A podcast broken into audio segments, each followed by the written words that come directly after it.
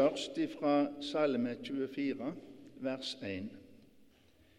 Jorden og det som fyller den, hører Herren til. Verden og de som bor der, er hans.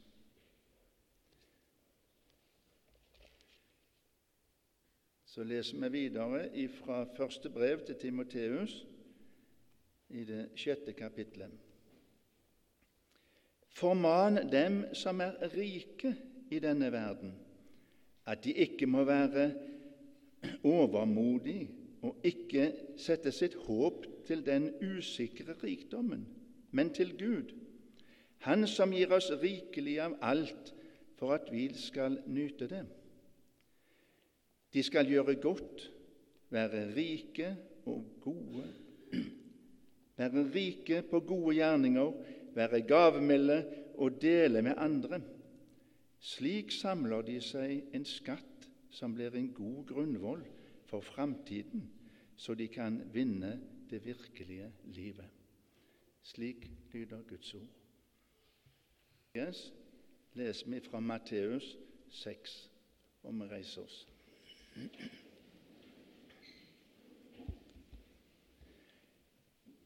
Derfor sier jeg dere, Vær ikke bekymret for livet, hva dere skal spise, eller hva dere skal drikke. Heller ikke for kroppen, hva dere skal kle dere med. Er ikke livet mer enn maten og kroppen mer enn klærne? Se på fuglene under himmelen. De sår ikke, de høster ikke og samler ikke i hus. Men den Far som dere har i himmelen, gir dem føde likevel. Er ikke dere mer verdt enn de? Hvem av dere kan vel med all sin bekymring legge en eneste alen til sin livslengde? Og hvorfor er dere bekymret for klærne? Se på liljene på marken. Hvordan de vokser. De strever ikke og spinner ikke. Men jeg sier dere, selv ikke Salomo i all sin prakt var kledd som en av dem. Når Gud kler gresset på marken så fint, det som gror i dag og kastes i ovnen i morgen, hvor mye mer skal Han ikke da kle dere, dere lite troende? Så gjør dere ikke bekymringer og si ikke:" Hva skal vi spise? Eller hva skal vi drikke? Eller hva skal vi kle oss med? Alt dette er hedningene opptatt av. Men den Far dere har i himmelen, vet jo at dere trenger alt dette. Søk først Guds rike og Hans rettferdighet, så skal dere få alt det andre i tillegg. Slik lyder det hellige evangeliet.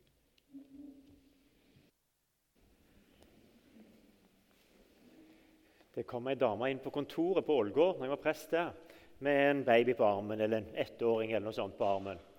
Og Så sier hun det at hun har bare lyst til å gi en gave til menigheten. Og Hun tok fram en 200 kroner-lapp, og jeg skrev ut kvittering og tok imot gaven. Jeg hadde ikke truffet dama før, så jeg visste ikke hvem det var. Så jeg eh, begynte jo å fiske litt i forhold til om hun kjente til knøttesang og søndagsskole og de andre aktivitetene vi hadde for familier. For jeg tenkte liksom, Her må jeg jo bare bruke anledningen til å markedsføre noe av det som skjer i kirka. Jeg hadde ikke hørt så mye om det, men vi hadde hørt at det var noe sånn mødre- og barn-treff, og sånn, men hun hadde ikke vært der ennå. Og Så sier jeg til henne du, jeg, jeg blir jo litt nysgjerrig. Hva, hva er det som gjør at du kom akkurat i dag inn her på kontoret og vil gi 200 kroner? Og Så forteller hun det at eh, vi var en av de familiene som fikk hjelp gjennom menighetens julegaveaksjon. Vi hadde en aksjon der familier med dårlig råd bestemte Nav, vi visste ikke hvem det var, men vi samla inn 75 000, så alle familier med dårlig råd fikk et gavekort på en matbutikk på 1500 kroner. Og så kommer du her for å gi en gave, sier jeg. Og Så ser hun på meg og så sier hun det at ja, far min sa alltid det når du får noe, så skal du gi Gud ære først, før du bruker det opp på andre ting. Det første du gjør, det er å gi Gud ære. Ja, men 200 kroner? Ja, for Det andre som faren min sa, det var det at eh, det er et godt prinsipp i Bibelen om å gi minimum 10% Så da la jeg på 50 kroner. Sånn at det ble 200. Runda det opp litt.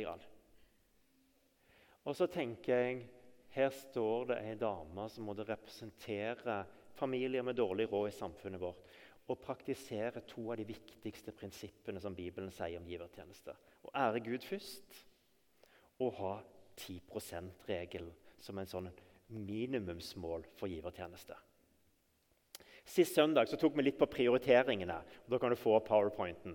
Og da var det spørsmål, Er det ikke naturlig å tenke at det er noen menneskerettigheter som kommer først? Mat, mat klær og hus, det må vi jo ha. Og så kommer givertjenesten. Hvorfor skal den være på første? Men så sier jo den teksten som nettopp er lest, på et vis Vær ikke bekymret for klær eller hva du skal spise, men snu om på og sett givertjenesten på toppen. tar du neste. Og setter det på et vis. Gud vet at vi trenger alt dette men søk først Guds rike. Og Sist gang så avslutta jeg med det tredje bildet, her, som handler om at jeg tenker i praksis for min del. Så tenker jeg ok, noe er det første, og så ser jeg også litt om jeg har mulighet til å gi noe mer etter hvert. Både når de basisgreiene er fylt, og når jeg har fått kjøpt deg noe av det jeg har lyst på. Så kan det av og til være noe igjen, og så tenker jeg ja, men vet du hva, jeg har råd til å gi litt ekstra. Så kanskje er det sånn det fungerer i praksis i forhold til måte givertjeneste. Men neste spørsmål handler jo om hvorfor skal vi gi. Altså, Hvorfor er dette så viktig i vår kristne tro, og hvorfor er dette så viktig tema i Bibelen? Og Det er jo ikke så ofte vi snakker måtte, så mye om penger som har gjort akkurat dette semesteret i menigheten. Og jeg tenker Litt sånn flaut nesten i en dåpsgudstjeneste liksom snakke om penger. Det er liksom helt feil. Men samtidig så er det noe spennende med nettopp å ta dette temaet. For det første handler jo om dobbelte kjærlighetsbud i praksis. Elske Gud og elske nesten. Det handler noe om å gi uttrykk for denne kjærligheten til Gud, og det betyr noe for andre gjennom praktisk givertjeneste. Og så tenker jeg samtidig at det handler noe om oss sjøl. Og det var det, som jeg tenkte For min egen del så handler det både om giverglede og å begrense noe av forbruket mitt. I forhold til giverglede eh, så kjenner jeg på en glede i det betyr noe for andre. Jeg kan være med å bruke pengene mine til å bety noe. Velsigne, glede andre, oppmuntre andre. Bety en forskjell i verden i forhold til rik, fattig. Og Samtidig er det òg en glede i det å samarbeide med Gud. At det at Gud har satt oss inn i et menighetsfellesskap, i en kropp eh, jeg får være med sammen med både menigheten og Gud. Og litt sånn spennende Hva kan vi få til sammen? Kjenner dere igjen i det? Det, det er gøye med å samarbeide med Gud. Tenker, I de der ti årene som ligger framfor, eller det året som ligger framfor Spennende Gud, hva skal vi gjøre i lag? Vi har noen penger her. Hva skal vi gjøre? Det kunne være spennende å få til noe. Og Der kjenner jeg en sånn glede på det der med å ha noe som jeg kan måtte leke litt sammen med Gud og spørre meg sjøl ja, hva skal vi gjøre med dette. Gud? Dette kan bli spennende. Men så er det en dimensjon som har, Hvis du bare venter litt med fremme Guds rike for Jeg har lyst til å ha med litt på det der med eh, begrense forbruk. Eh, og trenger en prest det? Ja, jeg gjør det. Jeg tok med en ting. Min store fristelse det er sportsutstyr og turutstyr. Og det er klart, når jeg kom inn i butikken og så disse joggeskoene som kosta 3700 kroner Jeg har aldri kjøpt så dyre joggesko. Og vet dere hva triggeren var? Det var 40% salg. Men jeg har aldri kjøpt joggesko til 2200 heller før. Så det var ganske mye over det som jeg har kjøpt joggesko for. Men jeg kjøpte de. Og I forberedelsen til denne preika så var det sånn Ja, husker du de joggeskoene, Oddbjørn? De kunne jo være gøy å ha med i preika i dag. Ja, de kunne være gøy å ha med i preika i dag. Jeg tror for de fleste av oss er det ja, Iallfall for meg, snakker for meg sjøl her. Det er noen sånne fristelser som gjør at jeg av og til gjør litt dumme valg. Eh, og derfor så er det òg noe med det der med givertjeneste. Det har satt noe til sides som jeg vet jeg skal bruke på Guds rike og på andre ting. De er ikke til mitt forbruk. Og når de er flytta over på en egen konto, så står de ikke på den brukskontoen der jeg har kortet. Så de er, ikke, de er ikke så lett tilgjengelig, selv om det absolutt er mulig å flytte litt. Jeg kan jo gå inn og forhandle litt av og til, og Gud er ganske raus med oss. så det, det, er noe som må være raus med seg sjøl, og vi skal ha med den òg. Men det siste som var på det punktet, det, det, det handler om å fremme Guds rike. Det, vi skal være med som fellesskap og bety en forskjell. Og Da er givertjenesten en del av det der vi sammen får lov til å fremme Guds rike. Hva skal vi da gi til? Det blir som neste spørsmål. For det er hvorfor. Hva skal vi da gi til når vi skal fremme Guds rike? Og Jeg tror de fleste vil være enige om at disse to er på vis hovedpunktene. Menighet og misjon. Og Vi kunne egentlig kalt det misjon lokalt og globalt. Fordi Det handler jo litt om at vi skal nå lenger ut i vårt eget nærmiljø. Og vi skal måtte, ja, Gustav og andre unger som døpes inn i menighetene våre, skal få opplæring og bli kjent med den kristne tro. Og Det skal vi bruke ressurser på, barne- og ungdomsarbeid og trosopplæring, for at de kan bli kjent med Jesus når de vokser opp. Og Samtidig så har vi et ansvar for resten av verden. Og Hvis vi legger til i ord og handling her, så har vi òg den sosiale omsorgen i vårt eget nærmiljø og rik fattig og de utfordringene som er der i det globale. Så hvis vi tar med på at dette er både ord og handling, så har vi òg den dimensjonen med når vi tenker menighet og misjon. Spørsmålet blir da hvordan skal vi tenke om fordeling mellom det lokale og globale. Og Der er det gøy vet du, å kunne gå rundt og spørre noen. Eh, så Jeg har ikke tatt det opp på video, men jeg spurte noen hva tenker dere for fordeling mellom det de gir til menigheten og gir det til, til globale. Eh, og Der har jeg fått to ulike svar. Eller tre ulike svar. har jeg fått. For Den ene sa nei, jeg velger å gi det meste til misjon. Fordi at her har vi ei folkekirke. Eh, vi får statsstøtte. og Derfor så må det, synes jeg må det at givertjenesten da er det 80% til misjon, og så er det 20% lokalt. Det var som det ene forslaget. Og så var det andre som tenkte jeg, ja, jo, vi er jo en folkekirke, men samtidig så, så, er det jo sånn at de der offentlige støtten den står litt konstant. Den har ikke vært så veldig øka mens utgiftene går jo oppover. Og det gapet sier noe om Hvis vi skal få til noe lokalt, så må vi investere noe i lokalmenigheten vår òg. Jeg tror jeg velger en 50-50-løsning, sa vedkommende. Og den siste personen den sa det at Vet du hva? Eh, hvis vi skal få til noe i Veavåg menighet de neste ti årene, så må vi kanskje våge å satse noe mer lokalt. Kanskje 75-25. 75 til menigheten, 25 til på et vis hjertesaker og misjon. Og så slo det meg litt at eh, De to siste er egentlig ganske enige. fordi at Vi har gjort et valg på å gi 20% av den faste givertjenesten til misjon. Så det vil si at eh, I det du gir til menigheten, så gir du egentlig 20 bidrar til misjon. Og Hvis du gir 25 til globalt sjøl, så har du 45% globalt og 55% til menigheten. Så det er jo en, måte, en fordeling som ligger der òg. Så her er det måte muligheter. Men det er ikke noe fasitsvar på akkurat dette spørsmålet. Så det må vi jo finne litt ut av sjøl. Eh, men vi må ta inn over oss at vi lever litt i en ny tid, og at kanskje må vi tenke litt annerledes enn sånn som det var før for 40-50 år siden i forhold til at folkekirka var dekka, eh, og så måtte, kunne vi bruke vår egen givertjeneste til misjon. Men så kommer det jo et spennende spørsmål. Hvor mye skal vi gi? Nei, nå skal du stille det spørsmålet òg. Det er helt greit med de andre, men hvor mye skal du gi? Og der har jeg et genialt svar. Og det er dette. Det du har bestemt deg for, og det står faktisk i Bibelen. Når Paulus skal gi måte, sine råd til måte, innsamlingsaksjoner, så sier han det dere skal gi det dere har bestemt dere for, ikke av ulyst eller tvang. Og så hiver han på det som jeg, jeg, har, hatt et litt sånn bad forhold til akkurat Gud elsker en glad giver. For det syns jeg kan blitt brukt i sånne offertaler på det. Ja, bare du gir litt mer nå, så kommer Gud til å elske deg mer. Sant vel? Og det er jo så tull. Sant? Kjærligheten og nåden den er konstant. Den er gitt oss alle. Den er på en måte betingelsesløs, uavhengig av alt vi gjør. Så vi må ikke lese den setningen og høre den på kanal-TV og andre ting som en sånn oppfordring på at bare du gir sånn, så kommer Gud til å velsigne deg så mye mer, eller så går det så bra med alt mulig.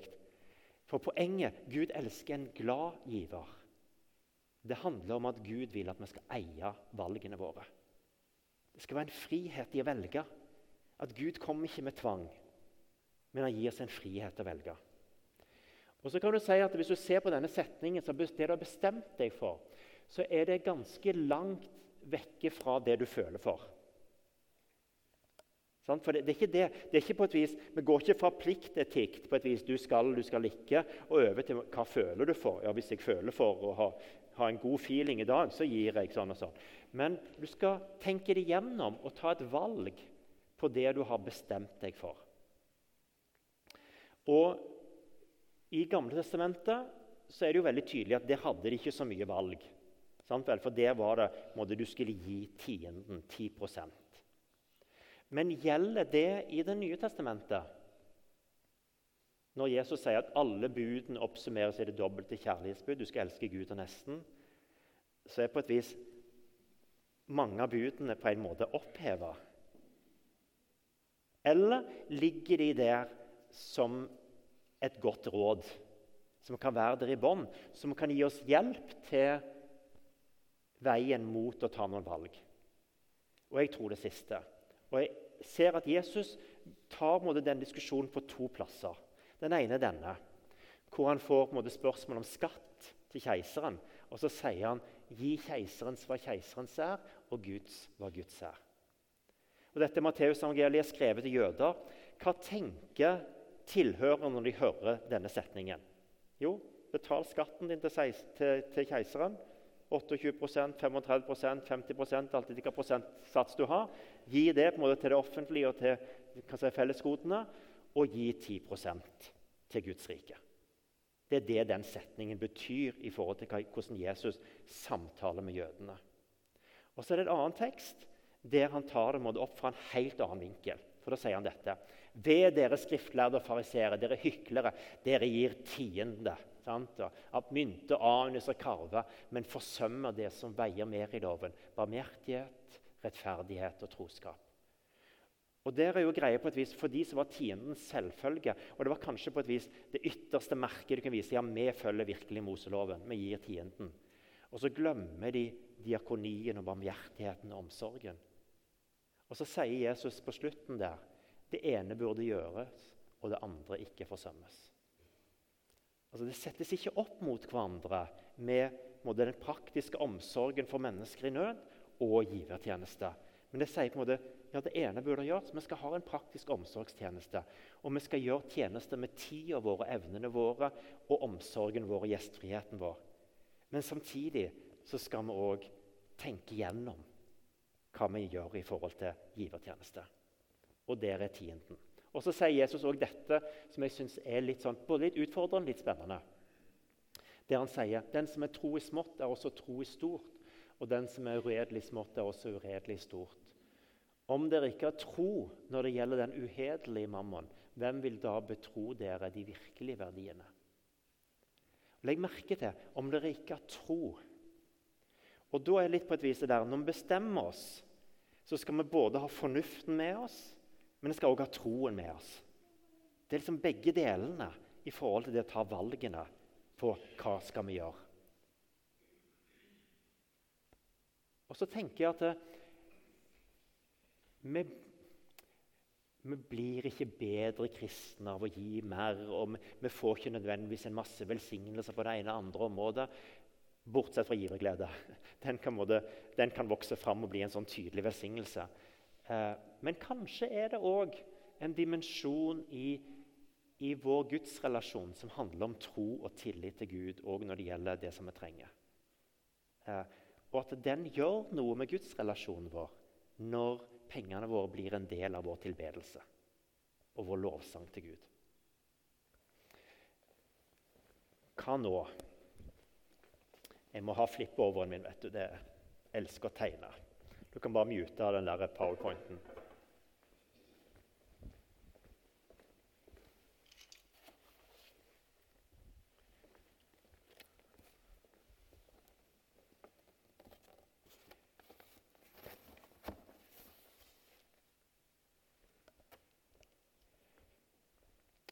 Det er to bilder jeg har lyst til skal ta med dere. Og Det ene er å huske på det der med at sånn som vi har sett, så er på en en del av den støtten som har vært gjennom det offentlige i forhold til kirka vår, den har ligget ganske sånn flatt, eventuelt med en liten økning. Mens utgiftene og utfordringene på hva vi vil være som kirke, har gått sånn. Så jeg tror bare vi må ta inn over oss at vi, lever ikke i en situasjon der det å finansiere en lokalmenighet bare kan støtte seg til offentlige midler. Det er et gap her som handler om utfordringer i forhold til lokalmenighet. Men det er òg et gap der i forhold til for de fleste av oss og Jeg har lenge vært der sjøl. I forhold til givertjenester at den ligger flatt mens utgiftene øker. Og så oppdager jeg av og til at den lå flatt i fem år. Han lå flatt i ti år. Og når jeg ser på, på kroneverdi og pris- og lønnsstigning i den tid, så er det blitt et enormt gap. Så Det betyr på et vis at den faste givertjenesten som en begynte med når en starta Veavågen menighet eller andre nye menigheter, den blir mindre og mindre sånn relativt sett fordi at utgiftene øker. Så andelen som en starter med, er mye mindre enn det som er realiteten i dag. Hvis vi ikke lærer oss til å justere dette her i forbindelse med alle lønnsoppgjørene våre, og justere givertjenesten på samme måte, så går egentlig givertjenesten nedover i Værvågen menighet år for år. Det andre handler om eh, tienden. Hvordan skal vi tenke om den? Men vi må ha en liten filmsnutt først.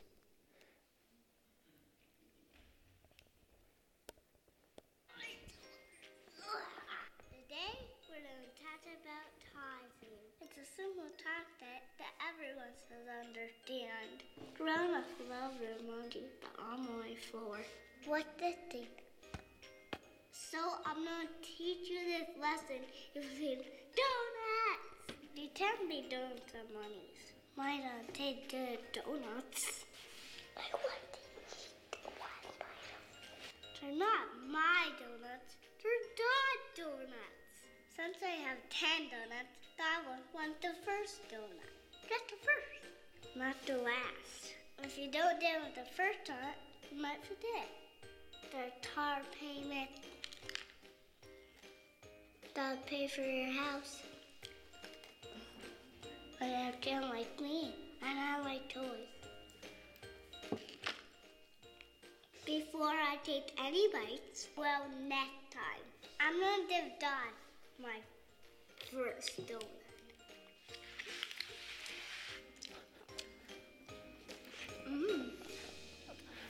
Jeg, jeg syns den var litt morsom jeg så på. Um, det jeg har lyst til å utfordre dere på, det er uh, å ta tre måneder der dere regner ut hva vil 10 av netto eller brutto, det bestemmer du sjøl, jeg syns det er mest enkleste å forholde meg til netto, for det blir mindre.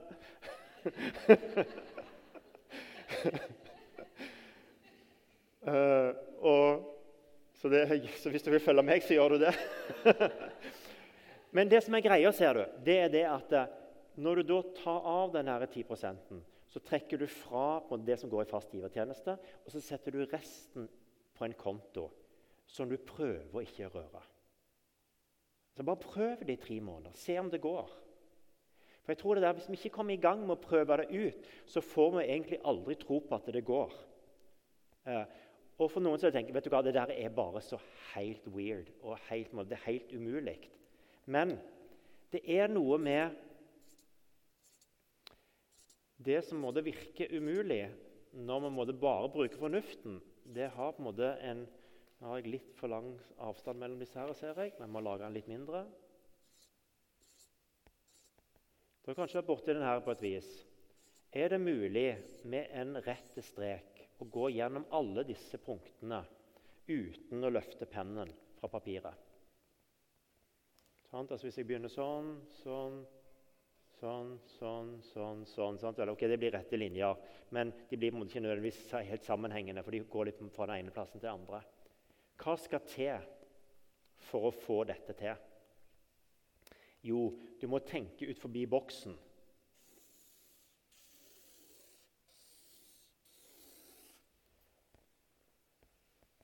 Sånn, er dere med? At Ved å tenke litt ut forbi boksen, og det er der troa vår kommer inn Troa våger å tenke litt ut forbi boksen at det, vet du hva, det skader ikke å prøve. Hva, hvordan ville livet blitt hvis jeg faktisk hadde prøvd dette? her? Og ville jeg faktisk opplevd at det virka? Og at det kunne være en hjelp til min egen givertjeneste? Og da er det et annet måte, Jeg sa jo dere på et vis at jeg begynner med netto, sant, fordi det blir mindre. La, la oss tenke oss f.eks. ei inntekt på 35 000 i lønn sant, netto. Da har du 3500 kan du si, som er tienden. Så har jeg en annen ting, og det er litt det der eh, Vi får skattefradrag på inntil 50 000. Så det jeg gjør, på en måte, jeg tar netto, men jeg ganger den med 1,3. For det er skattefradraget som jeg får da i juni. Og Da har jeg en sum på 4550 som er tienden, som da går ut på en egen konto. Og Så er det litt av dette her med det, det er jo én sum, men i løpet av et år så blir jo dette 54 600. Og jeg bare, bare på løye så tok jeg bare ganger, La oss tenke dette gange 78 givere som vi har i dag, faste givere til Veavåge menighet, i tolv år, så blir det 51 millioner. Så, så det, det, I forhold til dette der med å fremme Guds rike, det betyr en forskjell i menighet og misjon, så er egentlig en tenkning om givertjeneste litt sånn Det er ganske avgjørende for hvor mye vi vil kunne utrette når vi tenker ti år fram. Men dere skal huske at båndplanka i det jeg har sagt nå, og som jeg opplever også er Bibelens båndplanke, det handler om en personlig frihet. Og at dette ikke handler om at vi skal oppnå noe gunst hos Gud. Enhver skal gi som han har bestemt seg. Og Om du bestemmer deg for 5% eller 1 så er det ditt valg. Men hva med å prøve å ta det ut på en egen konto og bare se hvordan det går? Det var i grunnen sånn det begynte for meg som 17-åring hvor jeg måtte fikk undervisning om dette. her, og hvor en sa men hvorfor ikke bare prøve det et år? Han ga jo et års utfordring. da. Jeg, jeg gir bare tre måneder, jeg. så kan dere forlenge det sjøl. Eh, men det var noe med å begynne og så se at eh, ja, men det gikk jo. Og så gikk det som småbarnsfamilie, og så gikk det med husbygging. Og så er det fantastisk å få lov til å være med og bety en forskjell i Guds rike. Dere skal få slappe av litt til slutt med at uh, Charlotte skal synge for oss. Uh, og minne oss på at uh, dette er ikke prestasjon. dette handler ikke om å få det til eller være god nok. Men Gud går med oss uansett. Vær så god. Dygets lam som soner